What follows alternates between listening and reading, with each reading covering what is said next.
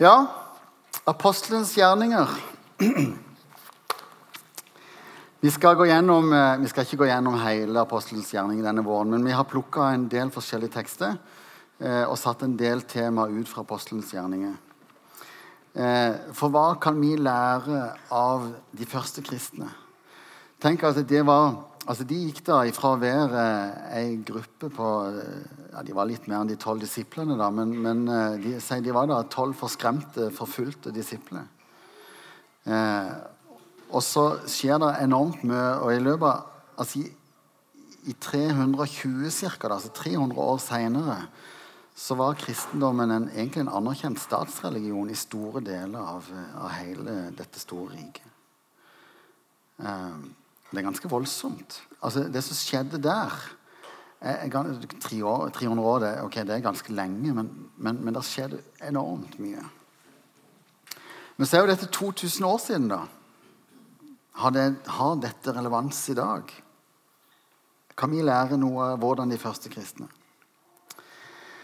Det håper jeg jo, da. Det vil jo vise seg. Men jeg håper det. Eh, Sånn Strengt tatt så vet vi egentlig ikke hvem som skrev apostelens gjerninger. Eh, det vi vet, at det er den samme som har skrevet Lukas' evangelium. Og det ligger jo sånn sett i navnet at det er Lukas som har skrevet Lukas' evangelium. Eh, selv om det vet de sånn sett heller ikke, men det er veldig sånn anerkjent at det er Lukas som har skrevet det. Eh, og det er skrevet som et sånn tobindsverk. Så det er på en måte han, ja. eh, Så det er jo som legen Lukas som har skrevet apostelens gjerninger. Eh, han var ikke en av Jesu disipler. Han kom inn litt seinere eh, inn i, i, bildet. Eh, men han var en av de som vandra tett sammen med Paulus. Eh, og han var òg med på en del av misjonsreisene til Paulus. Så Flere av kapitlene er skrevet i, i vi-form. altså sånn at Forfatteren er tydeligvis med, f.eks. på å reise til Makedonia.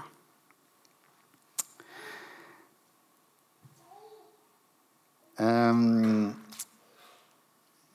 Apostelens gjerninger og Lukas evangelium er begge skrevet det tiltenkte en som heter til vår, vår kjære Theofilus. Han vet vi for så vidt ikke så mye hvem er, han heller. Eh, eller han vet vi ikke så mye om, egentlig. da. Men det kan ha vært en som støtta Lukas. Det kan ha vært en, en, skriver, altså en som på en måte skulle hjelpe eh, Lukas med å på en måte formidle dette videre. For det var jo et mål at flest mulig skulle lese det som han skrev. Eller det kan òg ha vært tittelen til en vanlig leser, for Teofilus betyr nemlig 'den som elsker Gud'. Men i alle fall så tenker vi at det er til oss her i dag. Eh, vi skal lese sammen. Dere som har vært i vekstgruppe denne uka, har kanskje lest den teksten allerede, men vi skal lese det sammen allikevel fra Apostelens gjerninger 1, fra vers 1 til 14.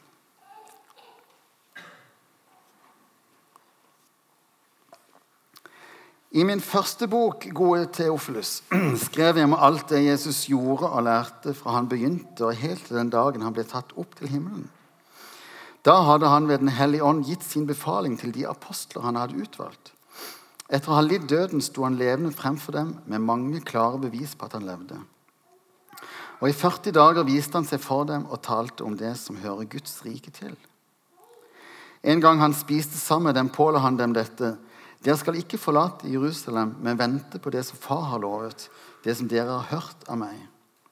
For Johannes døpt med vann, men dere skal om noen få dager bli døpt med Den hellige ånd. Mens de var sammen, spurte de ham, Herre, er tiden nå kommet da du vil gjenreise riket for Israel? Han svarte, det er ikke dere gitt å kjenne tider og stunder som far har fastsatt av sin egen makt. Men dere skal få kraft når Den hellige ånd kommer over dere, og dere skal være mine vitner i Jerusalem og hele Judea, i Samaria og helt til jordens ende. Da han hadde sagt dette, ble han løftet opp mens de så på ham, og en sky tok ham bort foran øynene deres. Som de nå stirrer mot himmelen mens han dro bort, sto med ett to menn i hvite klær foran dem og sa, Galileere, hvorfor står dere her og ser mot himmelen? Denne Jesus som ble tatt bort fra dere opp til himmelen, han skal komme igjen på samme måte som dere har sett ham fare opp til himmelen. Da vendte de tilbake til Jerusalem fra den høyden som het Oljeberget, og ligger nær Jerusalem, bare en sabbatsreise unna. Inne i byen gikk de opp på den salen hvor de pleide å holde til. Det var Peter og Johannes, Jakob og Andreas, Philip og Thomas, Bartolomeus og Matteus, Jakob, sønn av Alfeus, Simon Seloten og Judas, sønn av Jakob. Alle disse holdt trofast sammen i bønn, sammen med noen kvinner og Maria, Jesu mor, og brødrene hans.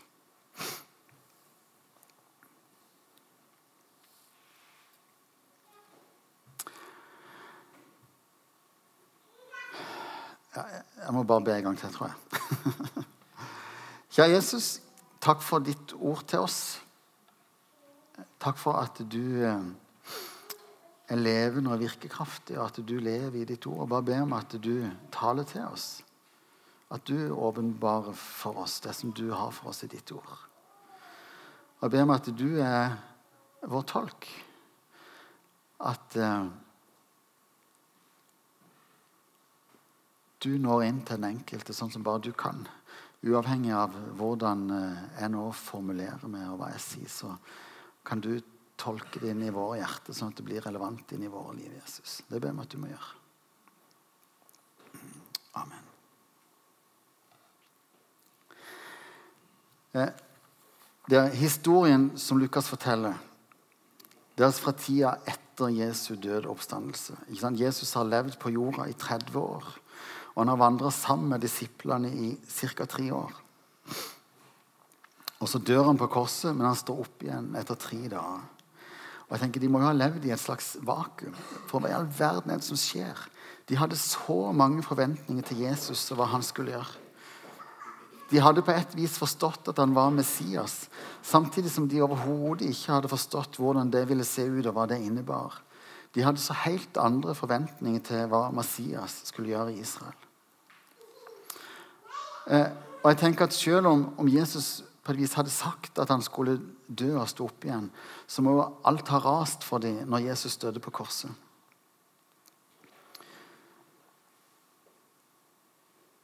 At alle drømmer, alle lengsler om hva Jesus skulle gjøre, at han skulle gjenreise Israel, at han skulle fri dem fra undertrykkerne alt, alt sammen må jo ha rast. Og så plutselig, noen dager seinere, når Jesus står opp igjen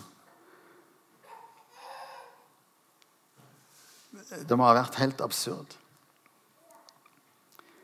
Men fortsatt så, så har de på en måte eh, forventninger til Jesus som Messias som på en måte ikke, ikke var det som Jesus hadde tenkt. da.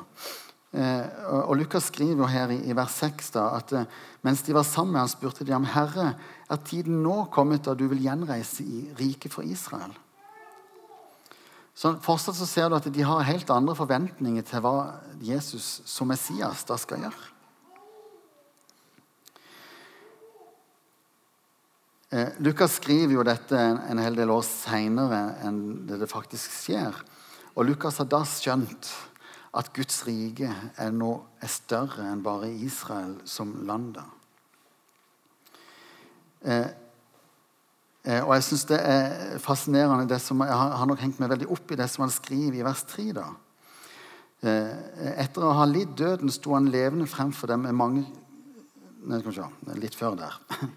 At han, i, han skriver at han, I evangeliet Lukas har han skrevet om Jesu liv og lære og det som på en måte skjedde der. Mens han nå, når han nå kom tilbake etter å ha stått opp igjen, så taler han om, om Guds rike. Det står i 40 dager viste han seg for dem og talte om det som hører Guds rike til.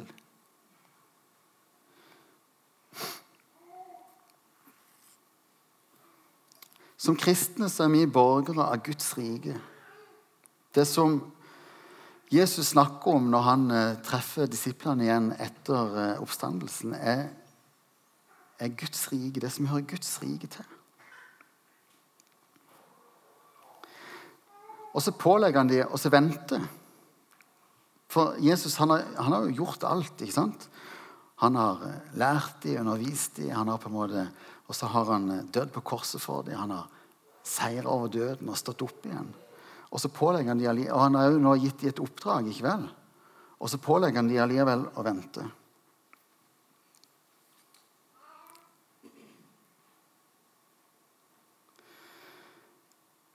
I kraft av blodet, ikke sant? i kraft av Jesu død på korset, så er vi rene og rettferdige. Vi er himmelen verdig. Vi er Guds barn.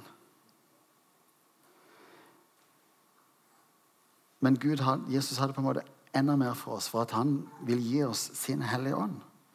Gud bor i oss. Menigheten er Jesu kropp fysisk til stede i Mandal. Vi er en del av Guds rike. Paulus sier det i Efeserne 2, vers 18 og 19. Gjennom Han har både vi og dere adgang til Far i én ånd. Derfor er dere ikke lenger fremmede og utlendinger. Dere er de helliges medborgere og Guds familie. I Jesus så har vi tilgang til Far, til Ånden. Altså i Ånden så har vi tilgang til Gud. I kraft av Jesu blod død og oppstandelse så er vi Guds medborgere og Guds familie. Og, og, Dette har jeg snakket om før, og jeg kommer sikkert til å snakke om det flere ganger òg, fordi jeg syns det er så utrolig viktig. For dette handler om identitet. Det er så viktig at vi forstår hvem vi er som kristne.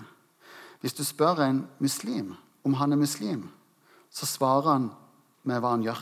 Ja, jeg er muslim. Jeg jeg ber fem ganger til dagen. Jeg spiser ikke noe ureint. Ikke? Det er på en måte, er, sånn vil en muslim svare. Hvis du spør en kristen, så er vi mye, mye, mer opphengt i tro. Som vil svare ja, jeg tror på Jesus Kristus. Jeg tror på at det er en levende Gud, at han har dødd for mine synder. Og, og det, er ikke, det, det, er på en måte en vesentlig forskjell her. da. Eh, og vår tro er jo eh, Vår identitet er jo i kraft av at vi tror. Men, men det å være en kristen, det er noe vi er. Det, det, er ikke først og fremst hva vi gjør, som gjør oss til kristne.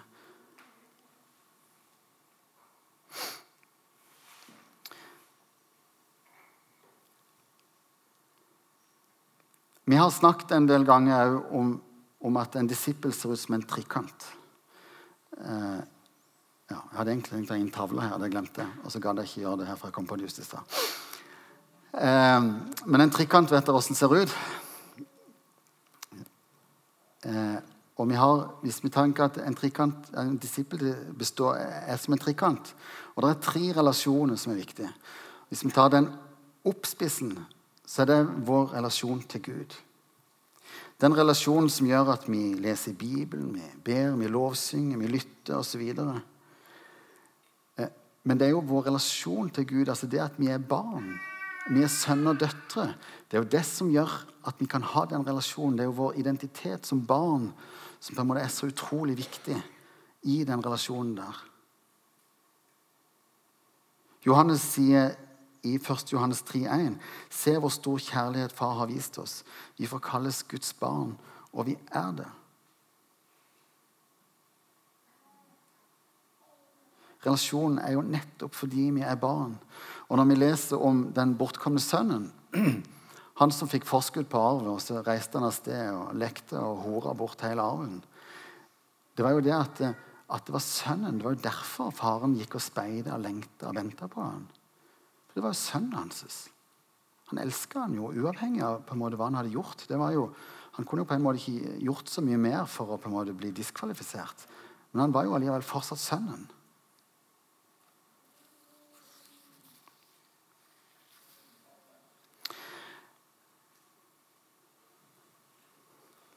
Jeg har selv i høst gjort en stor oppdagelse i eget liv akkurat i forhold til dette. En del av dere har hørt men, men jeg er nødt til å si det her òg. Eh, fordi at vi kan lære å lese og forstå med hodet. Men det å faktisk skjønne at vi er Jesu barn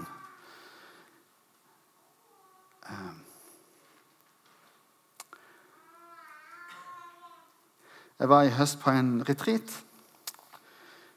Og så Nå vet jeg, begynner jeg å grine allerede, og det skal jeg jo ikke. Eh, jeg hadde bestemt meg for at jeg skulle gå noen runder med Gud om, om mitt selvbilde om, om, mitt bilde av altså Ok, Gud, hvem sier du, Gud, at jeg er? Eh, og så skal jeg ikke ta en lang historie her, men, men, men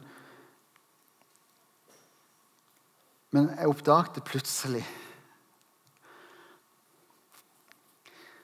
I alle år så har jeg klamra meg til korset. I kraft av Jesu død på korset så kan jeg stå ren og rettferdig i himmelen verdig. På grunn av Jesu blod så kan jeg komme fram for Gud. Og det er jo helt sant. Det er jo evangeliet. Det er jo det, er jo, det fantastiske budskapet vi har.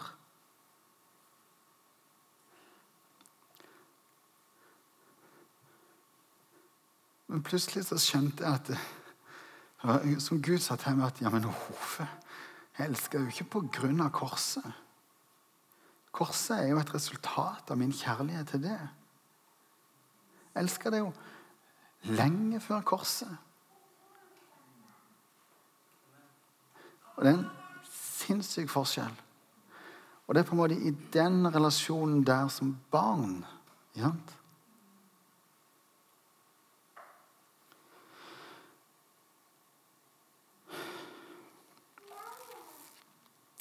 Guds kjærlighet for meg er egentlig helt uavhengig av korset. korset men korset gjør det mulig. Synden skapte skille og avstanden som gjorde at jeg ikke kunne være sammen med Gud. Så i kraft av korset så kan jeg være sammen med Gud. Men Guds kjærlighet for meg, den er helt uavhengig av korset. Den var lenge, lenge før.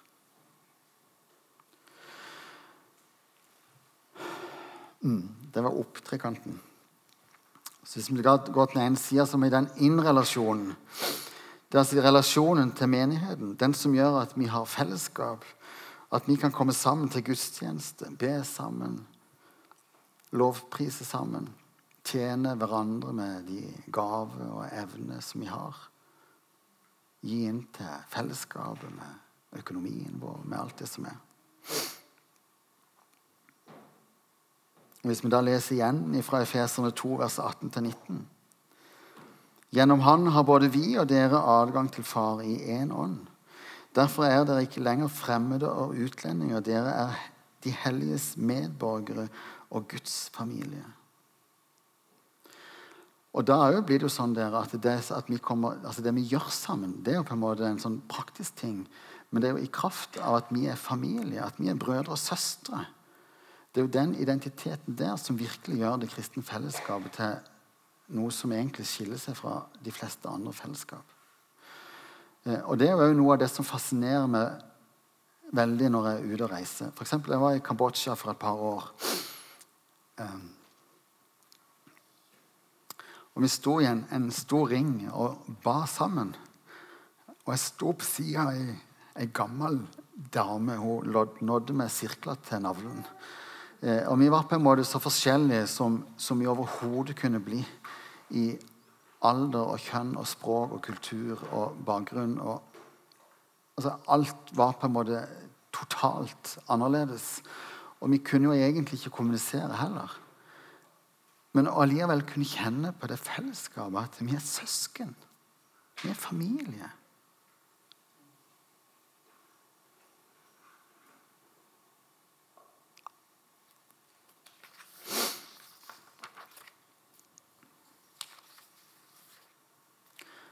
Så identiteten vår inn i fellesskapet vårt, det er at vi er familie, dere. Mm.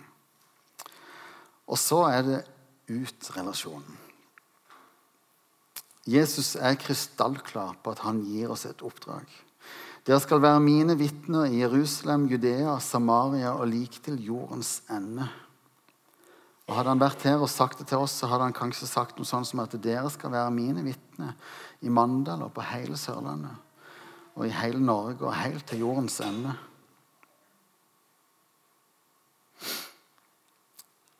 Vi kaller det for en befaling. Misjonsbefalingen. Og du vet, Det blir jo egentlig galt allerede før vi har begynt. Fordi at eh, befaling det funker egentlig nesten bare i militæret. Ellers vekker det stort sett trass i oss. Òg når vi kommer til barneoppdragelsen, så er det om å gjøre å bruke listelempe. Befalinger fungerer dårlig. Det har Ingfrid òg skjønt. Befaling på meg funker veldig veldig dårlig. Funker mye bedre når hun får meg til å tro at jeg har kommet på det sjøl. Selv om det å gjøre noe bare for å glede sin ektefelle egentlig burde være et mål i seg sjøl. Men det kan da gå på kurs hos Marit Arne og lære mer om. Ja.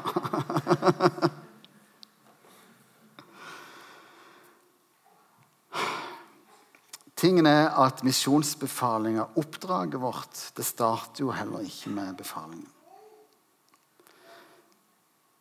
Jesus sier i Matteus 5,14.: Dere er verdens lys. Dere er verdens lys. Vi er altså allerede lys. Og spørsmålet er egentlig bare hvor vi lyser, og hvem vi lyser for. Og Når Jesus reiser til himmelen og gir de, gir de oppdraget, så sier han, at, sier han, ikke at dere skal gå ut og vitne. Han sier at dere skal gå ut og være mine vitner. Så spørsmålet er egentlig bare hvem det er vi vitner for.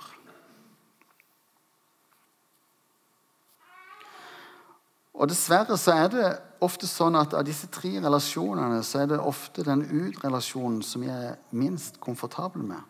Her er vi litt forskjellige, for all del. Men mange av oss er det. Men vi er kalt til å være vitner. Vi er lys i denne verden. Spørsmålet er bare hvem vi er lys for.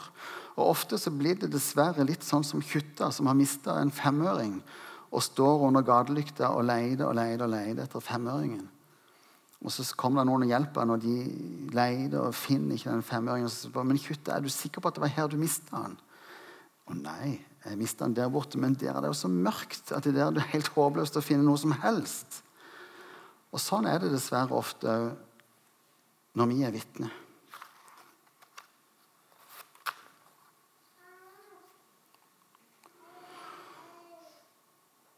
Men vi er lys uansett.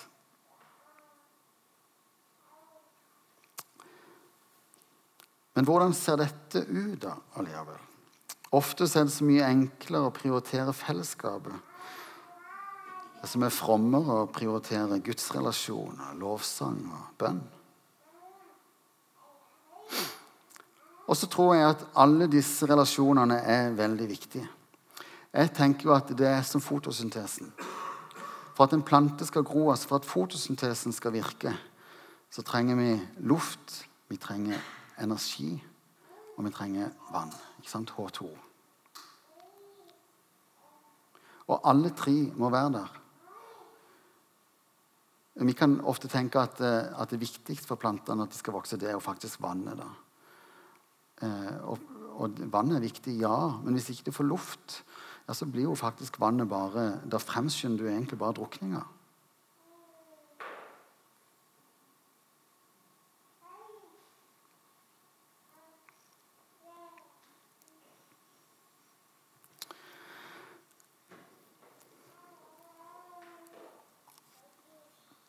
Og så er det jo da selvfølgelig alt til sin tid. Disiplene de hadde vandra sammen med Jesus i tre år. Sett og lært, vært med, deltatt, prøvd seg. Paulus òg, han eh, han, eh, etter denne eh, voldsomme opplevelsen der han møter Jesus på vei til Damaskus, så gikk det egentlig ganske mange år før han reiste på ei misjonsreise.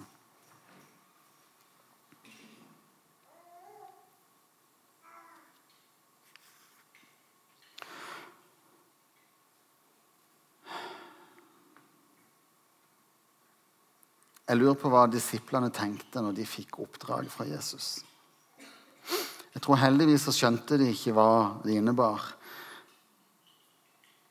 Eh, for da tror jeg kanskje de hadde gitt opp før de begynte. Og for så vidt, eh, De trodde jo fortsatt at evangeliet var for jødene, eh, og tenkte nok litt begrensa på hele verden. Men det er ganske enormt, det som skjedde. Og Så får de oppdraget, men så får de altså da beskjed om å vente.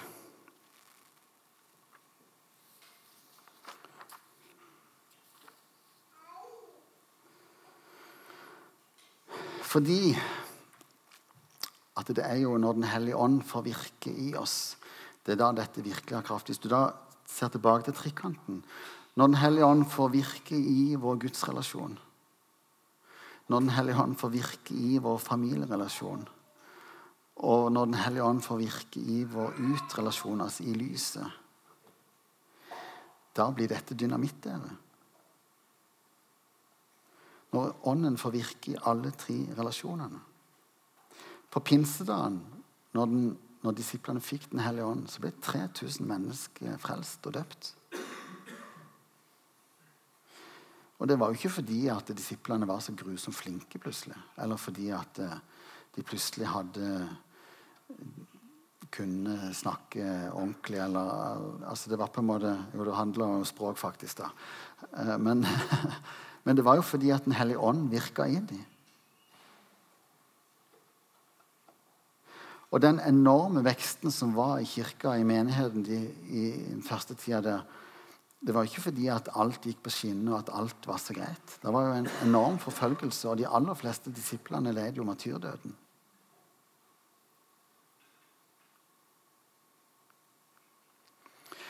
Og så kan vi tenke okay, men vi er ikke Peter, vi er ikke Paulus, vi er ikke den gjengen der. Vi har ikke vært med på alt det som de opplevde. Vi har ikke sett det.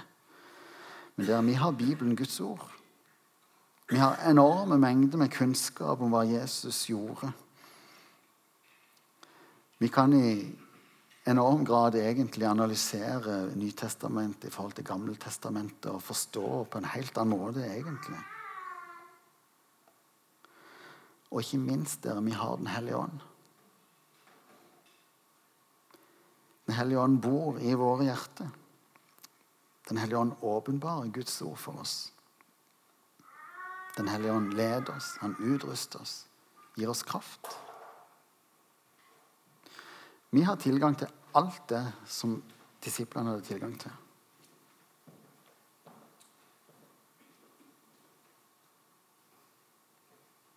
Jeg leser igjen fra Efeserne 2, vers 18. Gjennom Han har både vi og dere adgang til Far i én ånd.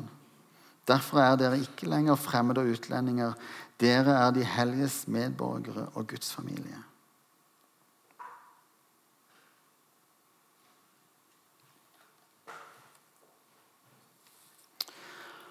Og så kommer vi til Melvin, dere. Når disiplene står på fjellet Når Jesus har reist opp til himmelen, så står de der og kikker opp. Og så plutselig så kommer det to hvite skikkelser fram når Jesus har reist. Og så sier, sier den ene til dem Hvorfor står dere her og ser opp mot himmelen?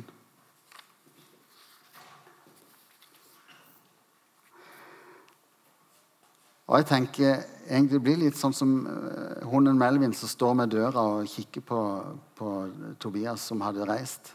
Og en kan si men Melvin, hvorfor står du her og glår? Tobias er jo ikke her. Og Jeg tror helt ærlig at Gud sier det litt til oss òg. Altså, jeg tror og, og, altså, la meg, nå hadde Jeg klart, jeg tror alle relasjonene er viktige. Men vi har en tendens til å bli stående og se der som vi sist opplevde Jesus, eller sist hadde et eller annet god opplevelse. Og så kan det på en måte være nyttig, det òg. Men, men, hvorfor står det her og glor? Jesus er jo ikke her.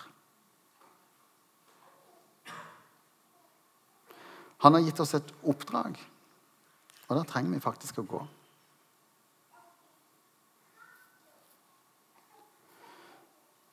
Og så ser dette forskjellig ut. Det har forskjellige uttrykk fordi at vi er forskjellige. Vi har forskjellige gaver og evner og utrustninger og, og kall, ikke minst, kanskje. Men vi er alle kalt til å leve sammen med Gud og sammen med mennesker. Vi er kalt til å leve hele denne trekanten i alle tre relasjoner. Og jeg tror at akkurat som plantene trenger både lys og luft og vann for å, for å, for å vokse, så trenger vi òg alle tre relasjonene for å vokse. Mm.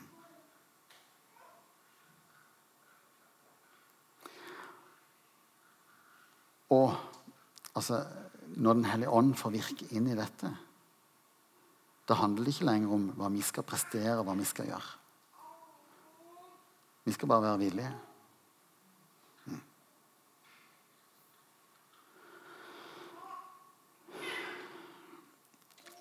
Kan vi ikke ta oss og eh, be litt sammen, dere?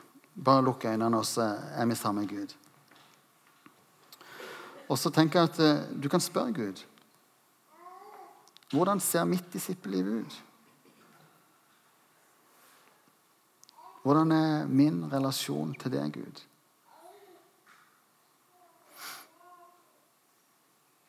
Lever jeg som eh, barn, eller lever jeg som en tjener?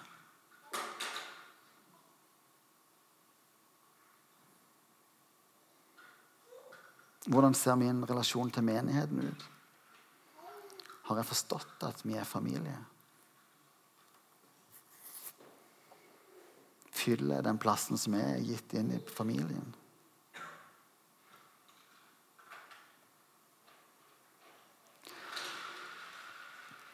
Og i min utrelasjon, hvordan ser den ut? Hvem er det jeg er vitne for? Hvem er det jeg er kalt til? Hvem er det som jeg treffer, som, eh, som jeg skal skinne for, som jeg skal være et lys for?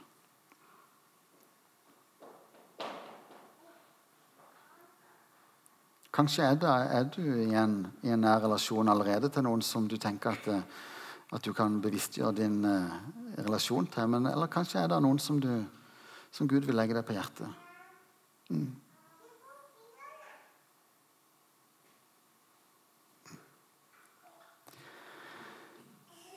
Kjære Jesus, jeg bare ber om at du rører med oss, at du taler med oss. Takk for at vi er frelst, at du elsker oss. Hjelp oss til å leve som dine barn, til å leve i den trygge relasjonen på at uavhengig av hva jeg måtte finne på, så er jeg ditt barn. Jeg kan alltid komme til det. Så ber vi at du hjelper oss til å leve inn i våre relasjoner med folk her i menigheten. og andre som ikke hører til i et kristent fellesskap, andre som ikke kjenner det, Jesus. Kall oss, led oss, utrust oss, bruk oss, Jesus. Hjelp oss til å være lys.